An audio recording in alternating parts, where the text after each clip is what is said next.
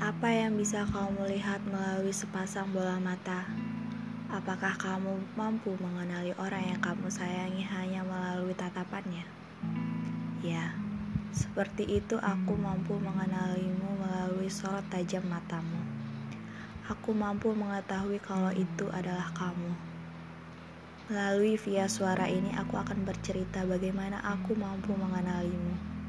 Bagaimana aku tahu kalau itu adalah kamu. Jadi, selamat menikmati.